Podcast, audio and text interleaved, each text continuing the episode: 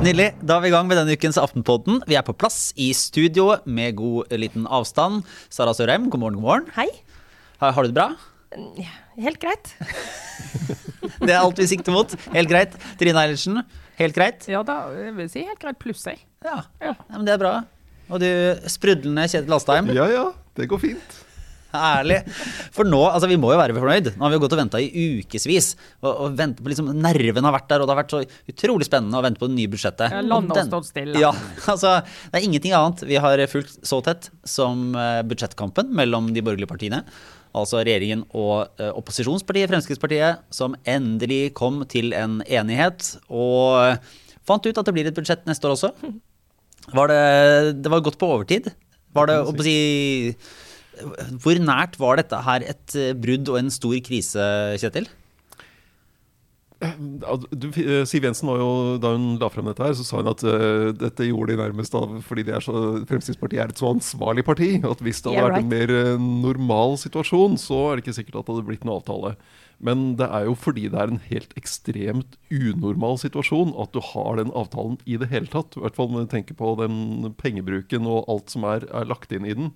Eh, hvis, hvis det ikke hadde vært pandemi, så hadde det jo ikke vært åpen pengekran i Finansdepartementet, sånn som det har vært i år. Men Er du sikker på det? Det er jo da det er så rart når Siv Jensen da har jo fått et gjennomslag som er helt fantastisk for Frp. Mm. Uh, og så sier hun at uh, hadde det vært vanlig situasjon, så hadde vi ikke gjort dette. Da sier hun hadde det vært en vanlig situasjon, så hadde vi valgt vekk disse gjennomslagene. Og Det det er er jo helt merkelig. Hun hadde jo ikke fått det noe annet sted. Nei, og det, det, de, det var jo over 14 milliarder ekstra i oljepengebruk, og de får på pensjonister, og de får eh, store avgiftskutt, og de får mer asfalt, og de får kutte mer eh, på bompenger, og ja, det, det er mye Frp-politikk. Men er, altså det her er for det er sånn um, Ok, dette var så, så, så viktig og så svært, og så gjennomslag. Og så var det noen kroner her på sjokolade. Det var liksom store. Både litt billigere brus, litt billigere snus. Bitte litt på Øl og vin. Øl og det høres litt ut som deg som fireåringen hjemme som har valgt sine kamper. Bare, Hva får vi på lørdagen? Vi, Ja, smågodt, masse til middag. Altså det er litt sånn, jeg klarer virkelig ikke å løfte liksom det store sånn, engasjementet. Jeg føler liksom ikke at det er nasjonens sjel eller uh, framtid som står på spill her. Det er sånn, så tøysete saker. Er det lov å den, si? den, den sjokoladeavgiften har jo, er jo i utgangspunktet ganske håpløs. Den, den ble innført i 1922. okay. uh, som en luksusavgift, uh, og fordi man trengte penger, selvfølgelig. Og så har den jo Sjokolade- og sukkervareavgiften er jo helt, eh, helt inkonsekvent. Så det sånn, Hvis du kjøper en marsipangris, så er det sukkeravgift. Hvis du kjøper en, en sånn halvkilos pakke med marsipanmasse og lager grisen selv, så er det ikke Nei, sukkeravgift. men Det er jo kjempefint. Det er, da får du betalt for litt eh, ekstra innsats. Altså jeg tenker at det her, insentiv, ja, for Ja, å og, gjøre men, en og hvis du kjøper en Snickers-sjokolade, Ja. så er det avgift. Hvis Ja. du kjøper en Snickers-is, så er det ikke avgift. Det er litt rarere. Ja, det er litt rart. Men jeg trodde at det har vært et sånn folkehelsetiltak, rett og slett. At det skal være Det litt dyrt. Nei, nei, nei. Dette er fiskaltiltak. Det er akkurat, akkurat Brusavgiften, eller avgiften på alkoholfrie drikkevarer, den ble innført i 1924, også som en sånn luksusavgift. Ja. Men den er jo da ikke noe forskjell på om det er sukkerfri brus eller med sukker, så det er jo ikke kosthold dette handler om, det handler om statens inntekter. Ok, så det er sånn rent sånn Det er ikke, det er ikke sånn nå skal vi alle bli tjukkaser-grep og fjerne de avgiftene. Nei, det var, Dette ble utredet av et utvalg i fjor, som foreslo, flertallet foreslo at fjern disse avgiftene. Og hvis det skal være noen sånn kostholdsspesifikke avgifter, så må de, må de treffe mye bedre. Okay. Men er det, er det sånn at Frp var si, logikkens krigere som fikk, fikk rydda opp i et uh, forferdelig byråkrati og uh, vanskelig system? Er det, er det egentlig det, er det den historia som Nei, det er, det er altså, Frp er jo, altså, det er jo partiet for sterk nedsettelse av skatter og avgifter, så det er jo veldig klassisk Frp-politikk. Tilbake til røttene de luxe. Det er jo det. Fra før de ble innvandringskritisk parti, er det jo eh, vi er nå. Eh, og så er det jo denne kampen med Senterpartiet, da. Mm. Senterpartiet har jo kritisert Frp for å gå med på avgifter og avgiftsøkninger gjennom hele den blå regjeringsperioden. Og nå kunne Frp vise at se her, nå skal ikke vi gå i valgkamp og få kjeft for det, for vi har klart sånn og sånn og sånn. Og det har de jo rett i. kunne, jeg- Det er et utrolig dumt spørsmål, men kunne de Fins ikke dumme spørsmål, Lars. Ja, jeg tror det fins noen. Men, eh, men kunne de ja, satt ned avgiften på én ting veldig mye? Og så Altså, det var liksom én krone er her på sjokolade og én krone Nei, det er Nei, men, ja, men at at Cola, da? Ja, ja, ja, eller brus, da. Altså, dritbillig brus. Altså, en brus kosta fem kroner halvannen literen. Ja. Og så får du liksom tydeligere seier enn at du barberer bort en krone her og en krone der på alle de tinga. Ja, altså det hadde jo fungert, altså det hadde fungert sånn bedre kommunikasjonsmessig overfor oss vanlige folk. Eh, fordi du merker jo ikke forskjell på dette avgiftskuttet i butikken. Nei, altså, Tror jeg. det, det, vi vil jo kanskje bli anklaga for å være litt sånn elitistiske, som Jens Kiel skrev på Twitter et eller annet. eh, ja, hvis du kaller liksom det er småpenger, ja, for de som ikke har noen penger, så er alle penger små, eller et eller annet Ja, sånt der. sånn er det jo ikke sant? Men, eh, Jo. men, men jo, men det er, ja, sant? men det er jo faktisk Det syns lite på en sånn storfamilies kassalapp eh, om brusen er fire kroner billigere literen, da. Ja, Ja. men det, ja, det kan du for så vidt si om det, det meste av sånn, sånn, sånn, når man justerer avgifter opp eller ned. Men det er klart det, hvis dette ikke spises opp av noen andre ledd, at noen benytter anledningen til å tjene litt mer penger, enten det er butikken eller leverandøren eller produsenten eller hvem det er, eh, så er, jo, er det jo reelle lettelser som vil på et eller annet vis bli synlige. Men ta f.eks. det på alkoholavgifter, da, med 10% ned på øl og vin. Ja. Uh, Frp har jo snakket om at de vil til svensk nivå. Da må du ned altså, nesten 60% i avgifter. Så det, det her er jo ikke halvveis til finsk nivå engang. Altså, du skal drikke veldig mye da, for å begynne å spare penger på dette. Så hvis man, jo Ja. mer man drikker, jo større utbytte har man av det gjennomslaget fra Frp. Men men, Men litt av argumentet var jo grensehandel. sant? At du skulle gjøre det mer fristende å handle i Norge, og ikke dra over grensen og redde arbeidsplasser i Norge. Og nå har vi sett at eh, det har verdi.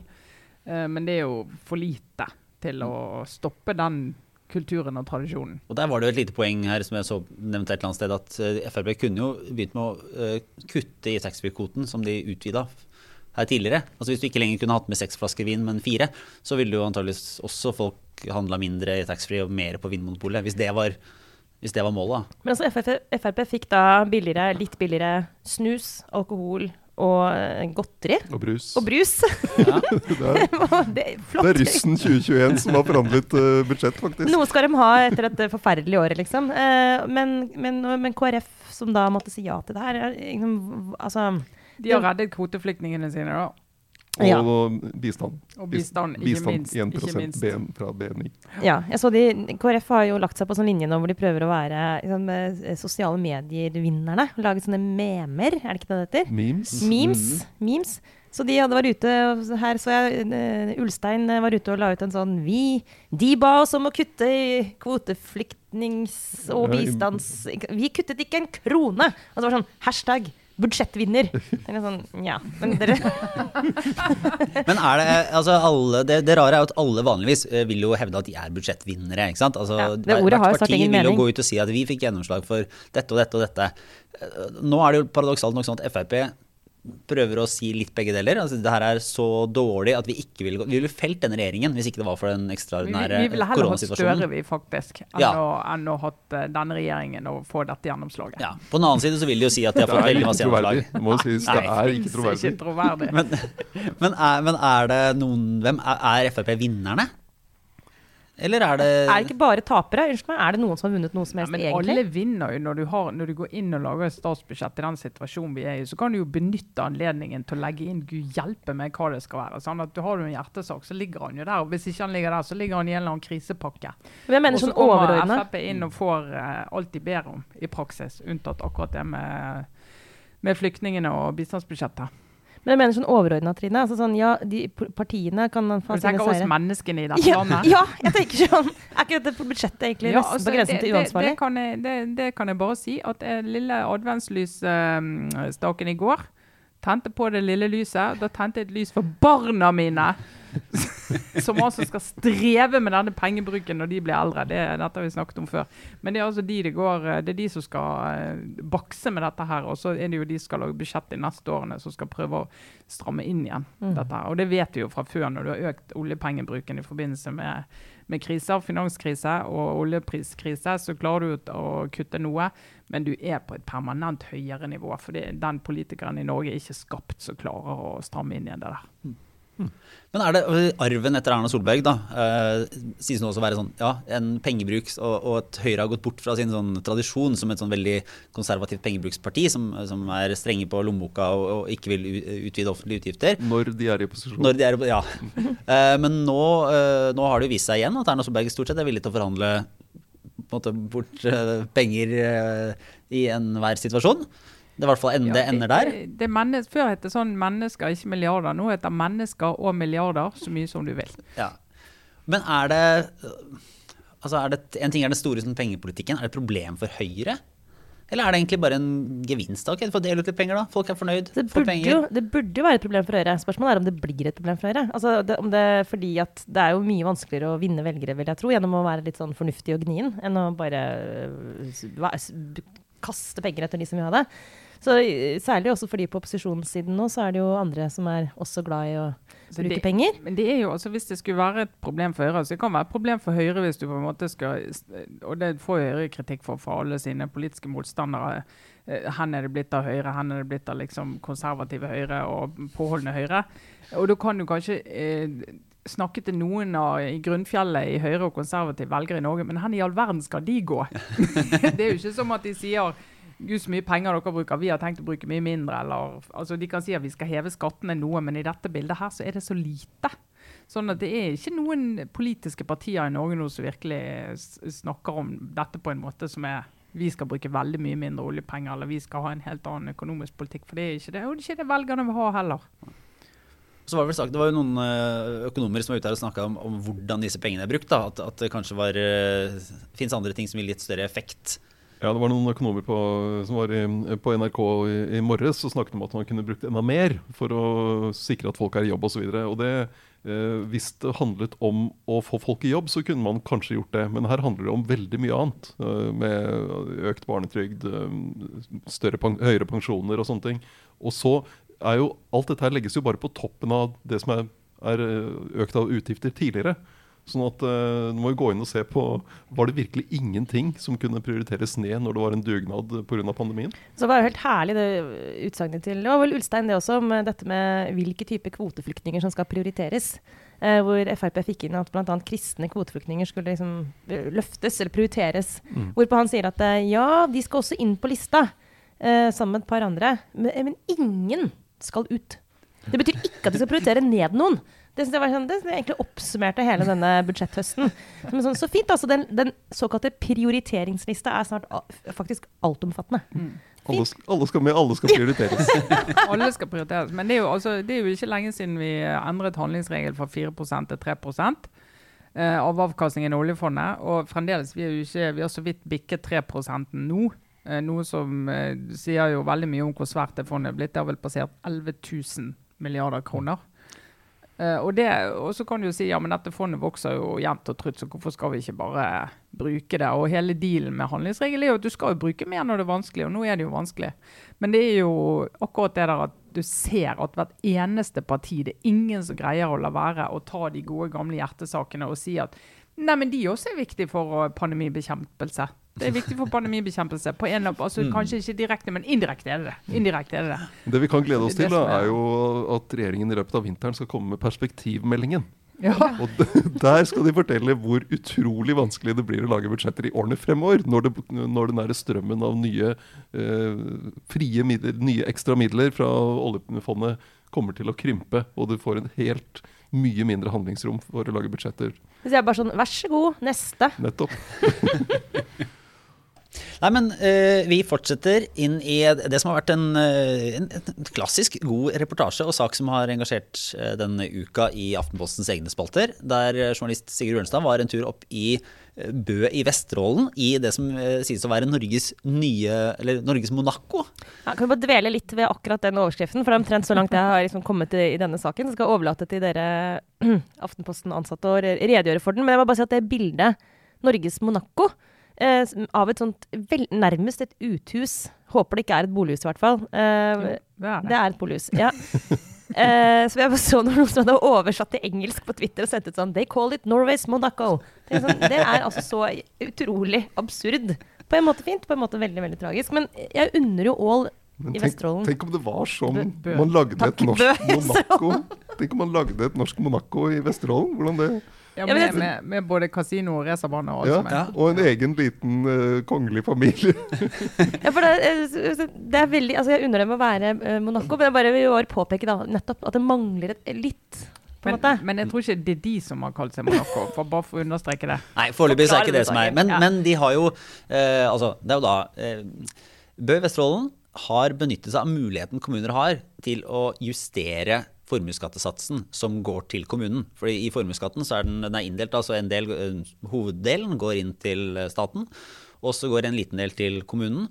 Og den er jo da mulighet til å justere litt på sjøl. Og der har jo da eh, Bø Vesterålen gått, måtte, si at de går foran for å eh, starte en slags vet, skattekonkurranse, eller insentivere rike folk til å komme til Bø Vesterålen for å starte bedrifter, investere penger, få, få fram vekst. Da. Og der, der teorien er at er at liksom, eh, ved å få inn nye og flere, så vil inntektene totalt sett gå opp, sammenligna hvis de skulle ha en høyere sats for alle.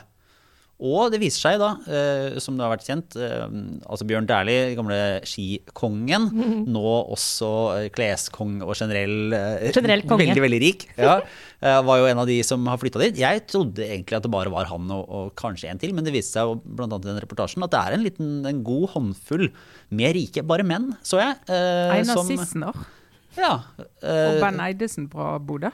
De har jo eh, kjøpt seg hus.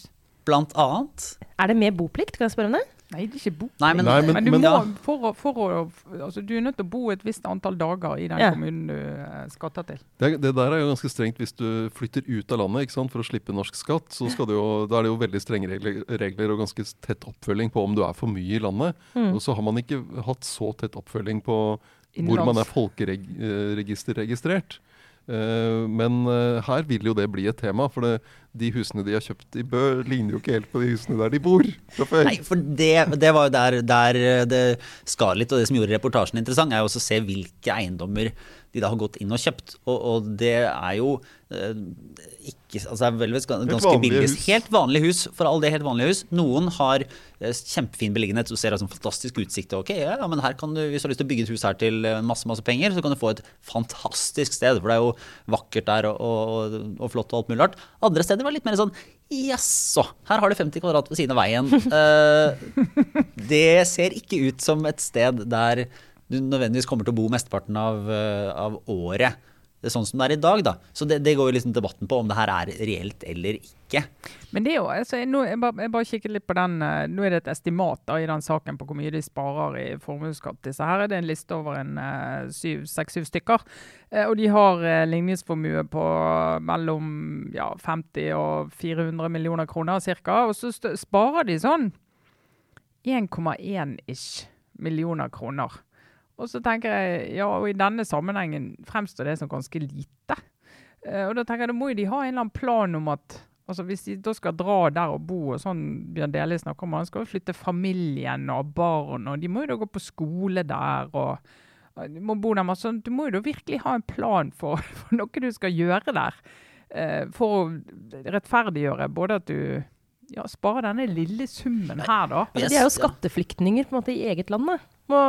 Ja, ja, de er jo Ja. det, og det er jo helt eh, det, altså det er jo liksom, Men jeg, jeg bare klarer ikke å helt se sånn Nei, altså, stussa på det. neste fase Ja. her. Og så og var det sånn, hvis du, altså hvis du har 400 millioner, så klarer du vel å hente inn en million eller to på et eller annet annet som, som ikke forutsetter at du må flytte. Det er, det er sikkert kjempeflott i Vesterålen, og et sted mange burde, flere burde bo enn det som gjør det i dag. Men hvis du har eh, livet ditt på Nannestad, ja ja. Hardt slag for Nannestad, fordi Ja. det var jo veldig stort for Nannestad at både Bjørn Dæhlie og Thomas Alsgaard eh, bosatte seg jo der etter skikarrierene sine. Dette vet jo jeg, for jeg kommer fra Romerike. Så det var jo en, ganske sånn, det var en veldig sånn asset for Nannestad. Til og med mange av oss som dro på, gikk på ski. Eh, valgte oss Nannestad for å håpe at vi kunne møte Bjørn Dæhlie i skiløypa. Det gjorde jeg en gang, faktisk. Det var veldig stort. Men, men nå er det kanskje litt for seint. Altså, jeg vet ikke om Bjørn Dæhlie nå har den posisjonen i det norske samfunnet at han gir en hel kommune et sånt løft bare ved å bo der. Hvis han investerer Nei, bare ved å bo der. Det må jo være. Og han ene snakket jo om at han hadde jo liksom konkrete investeringsplaner. og liksom Du er fra regionen og du liksom ser for deg ting du kan gjøre. Men jeg klarer ikke helt å se hva neste Men altså, kritikerne mener jo da at dette åpenbart eh, som, For å eksemplifisere, hvis, hvis, eh, hvis du Trine er i én kommune, altså Bø Vesterålen, og jeg er eh, Skien, og jeg får inn 100 kroner i skatteinntekter med mitt skatteopplegg, og du får inn null fordi at eh, rikingen bor i Skien, og så flytter den til deg, og du får 50 kroner, så er det bedre for deg, men for totalen så blir det jo mindre. altså, det er jo frykten, da. At, Det er jo hele kritikken mot den kommunen. fordi at Det er klart, det er jo tverrpolitisk. Det er Både Arbeiderpartiet og Høyre i Bø sier at uh, dette gjør vi fordi vi vil ha investeringer. Høyre med sin, sitt utgangspunkt er at de tror på at lavere formuesskatt gjør at du investerer i mer eh, virksomhet og arbeidsplasser. Og Arbeiderpartipolitikeren eh, som sier at nei, men vi, vi kan ikke regne med denne regjeringen, vi er nødt til å passe på oss sjøl. Så vi må, vi må løse dette sjøl, sørge for at vi får investeringer og aktivitet her. Så dette gjør vi, får de inn. Og da sier de at eh, OK, vi gjør det for å få arbeidsplasser, for å dyrke eh, veksten i vår kommune. Men da er jo kritikken ja, men nabokommuner og andre kommuner, skal de også gjøre det? Og da er det jo snakk om den berømte race to the bottom-logikken. Hvis alle skal gjøre det, så får du eh, totalt inn eh, lavere skatteinntekter. Eh, I hvert fall globalt gjør du jo det. Det, er- det, jeg oppfatter jo den, eh, den saken som et litt uttrykk for noe av det eh, den, eh, Det at du har noen distriktskommuner som, som opplever altså, folketallsnedgang og mangel på arbeidsplasser kanskje noen steder. Uh, kanskje mangel på arbeidskraft. og som har, De opplever at de egentlig ikke har så mange virkemidler.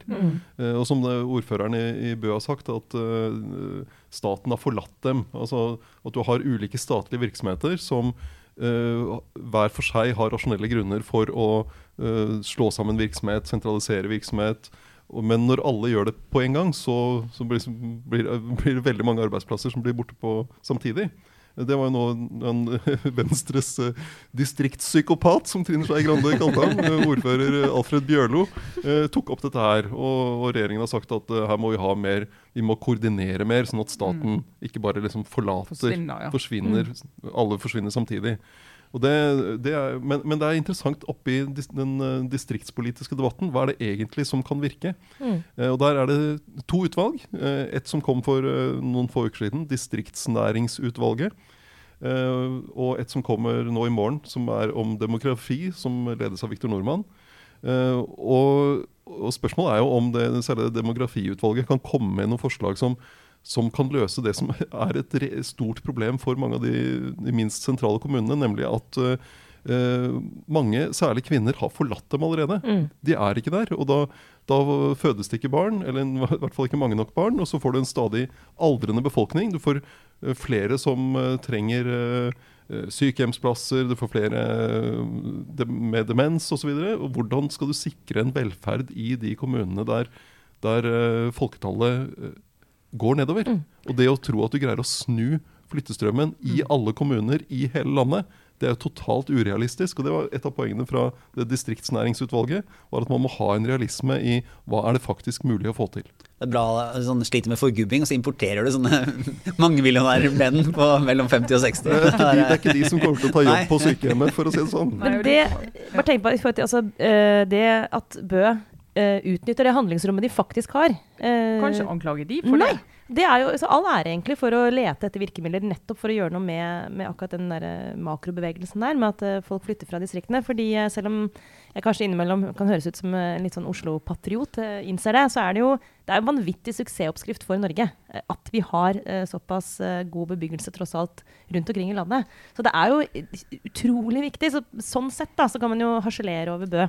Er du også Men- blitt helt Senterpartiet? Ja, altså, Du skjønner at det er Norges største parti nå. Så det er, uh. Senterpartibølgen har nådd Briskeby. Briskeby. ja. Men altså det, det der å lage gode Men, én en ting er å bruke mer sånn fiskale virkemidler og skattepolitikk, men det, det å lage gode lokalmiljøer eh, rundt omkring i Distrikts-Norge, faktisk liksom å prøve å lage bysentrum, eh, også på bitte små steder, som har det du trenger for å oppleve at du, at du bor et sted hvor du ikke trenger å for eksempel kjøre i bil hver gang du skal et eller annet, men at det er liksom små, bitte små, men velfungerende byer rundt omkring i landet.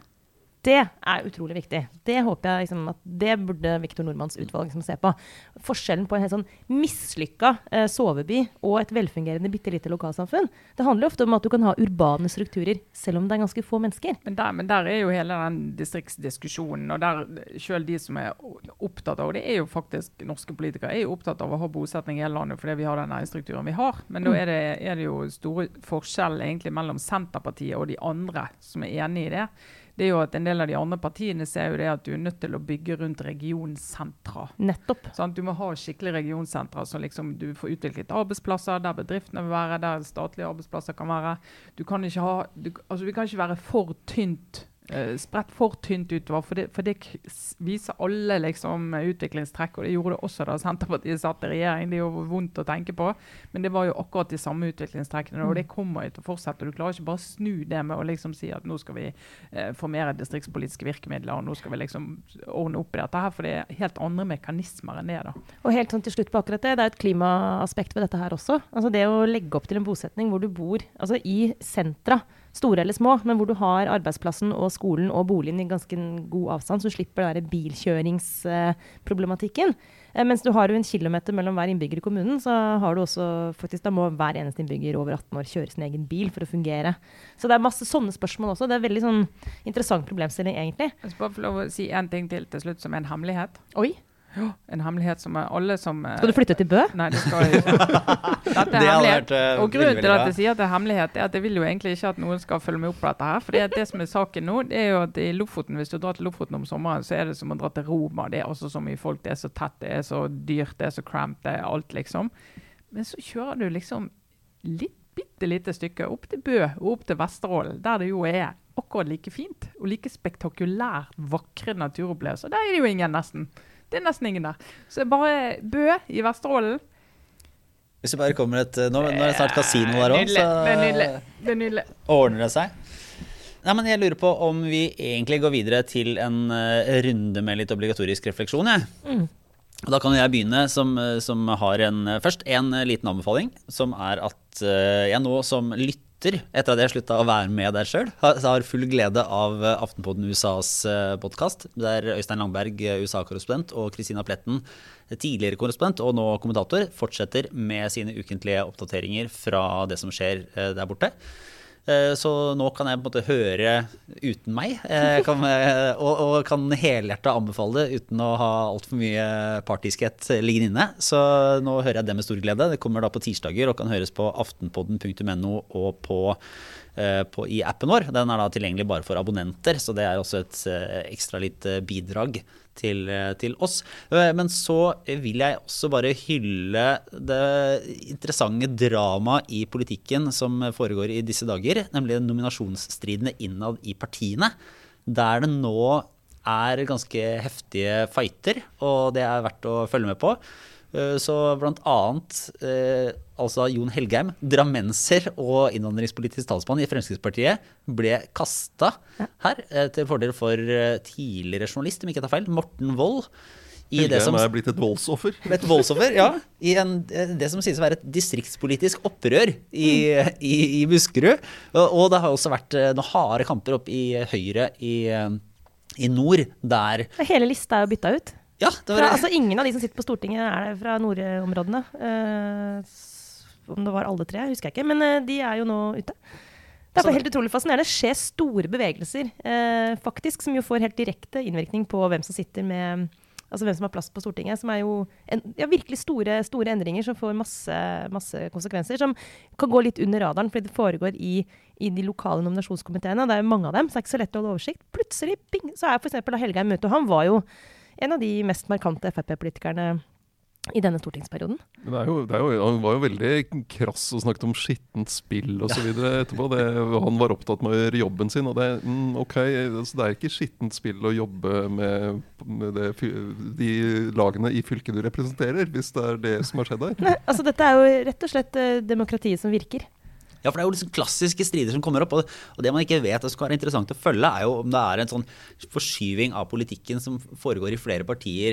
Altså også med tanke på den sentrum-periferi-debatten og det som har vært og vekst, liksom Senterpartiets vekst.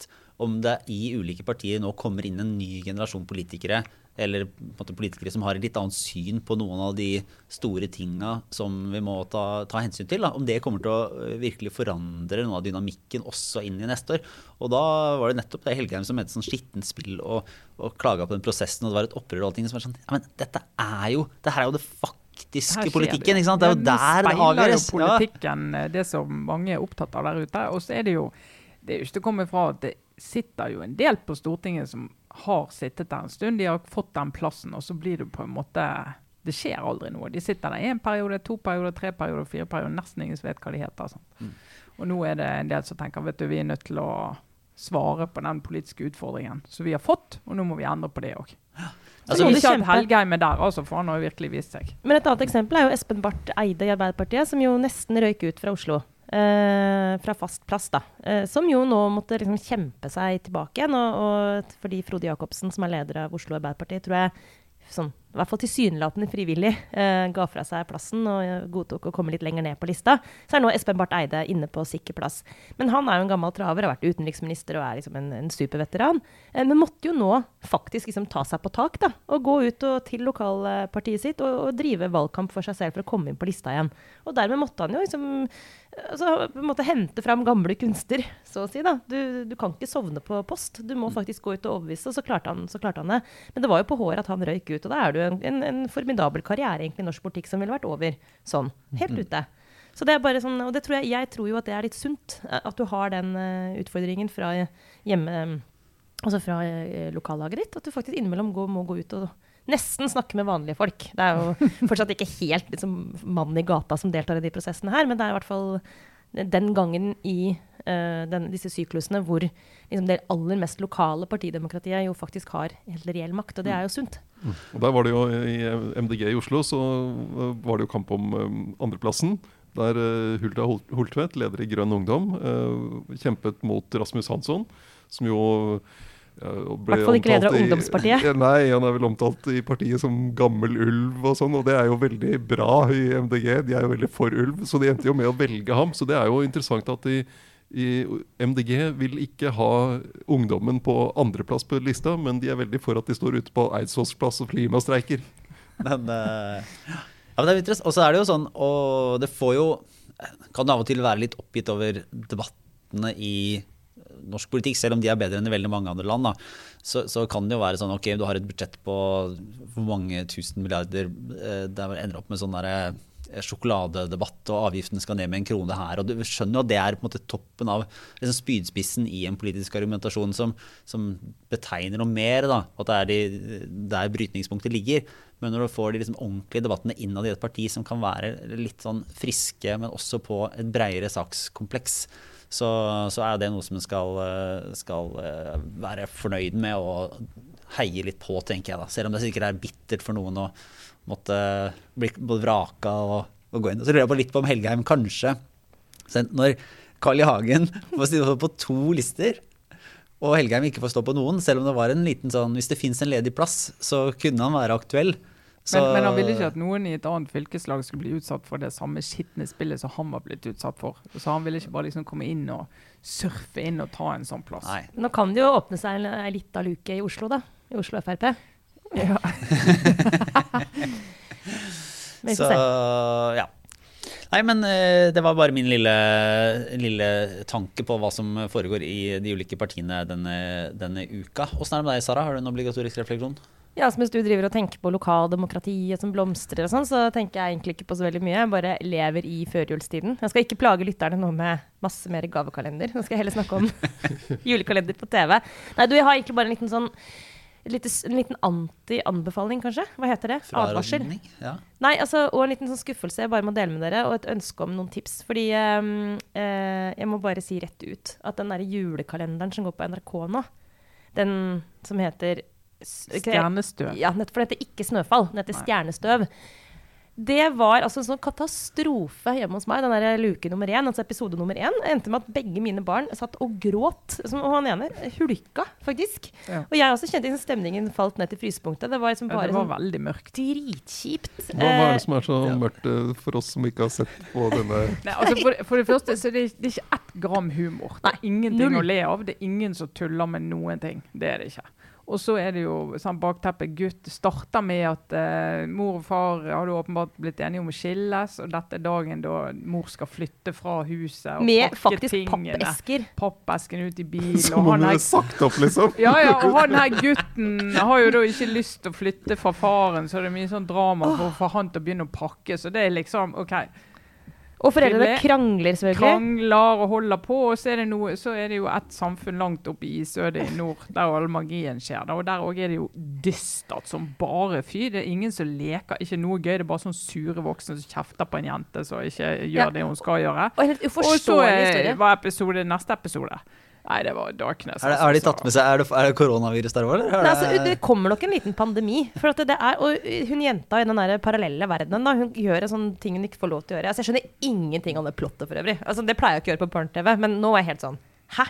Men hun kaster en ring inn i noe sånn stjernestøv, og så blir mora borte, og så blir faren kjempesur. Og det, det var bare sånn helt Det var bare darkness. Ja. Og så tenkte jeg, begynte hvorfor også i går på andre episode begynte å bli litt spennende på slutten. Men det var første gang så begge mine gutter litt sånn, du vet når ungene begynner å få sånn Kikke rundt og 'Mamma, kan jeg få se på noe annet?' Og så litt sånn så tenkte jeg Guri, nå må de snart hente seg inn her. ja, for det Men det er, så, det er altså så humørløst. Ja. Uh, Da, da, det er egentlig bare mitt poeng var egentlig at eh, jeg skjønner det behovet for at eh, barn Altså at du skal presse veldig mange ting inn i en sånn Altså Du skal selvfølgelig sikkert lære noe eller et eller annet, men den der, den der greia med at, alle, at barn skal utsettes for pedagogikk hele tiden, Mm.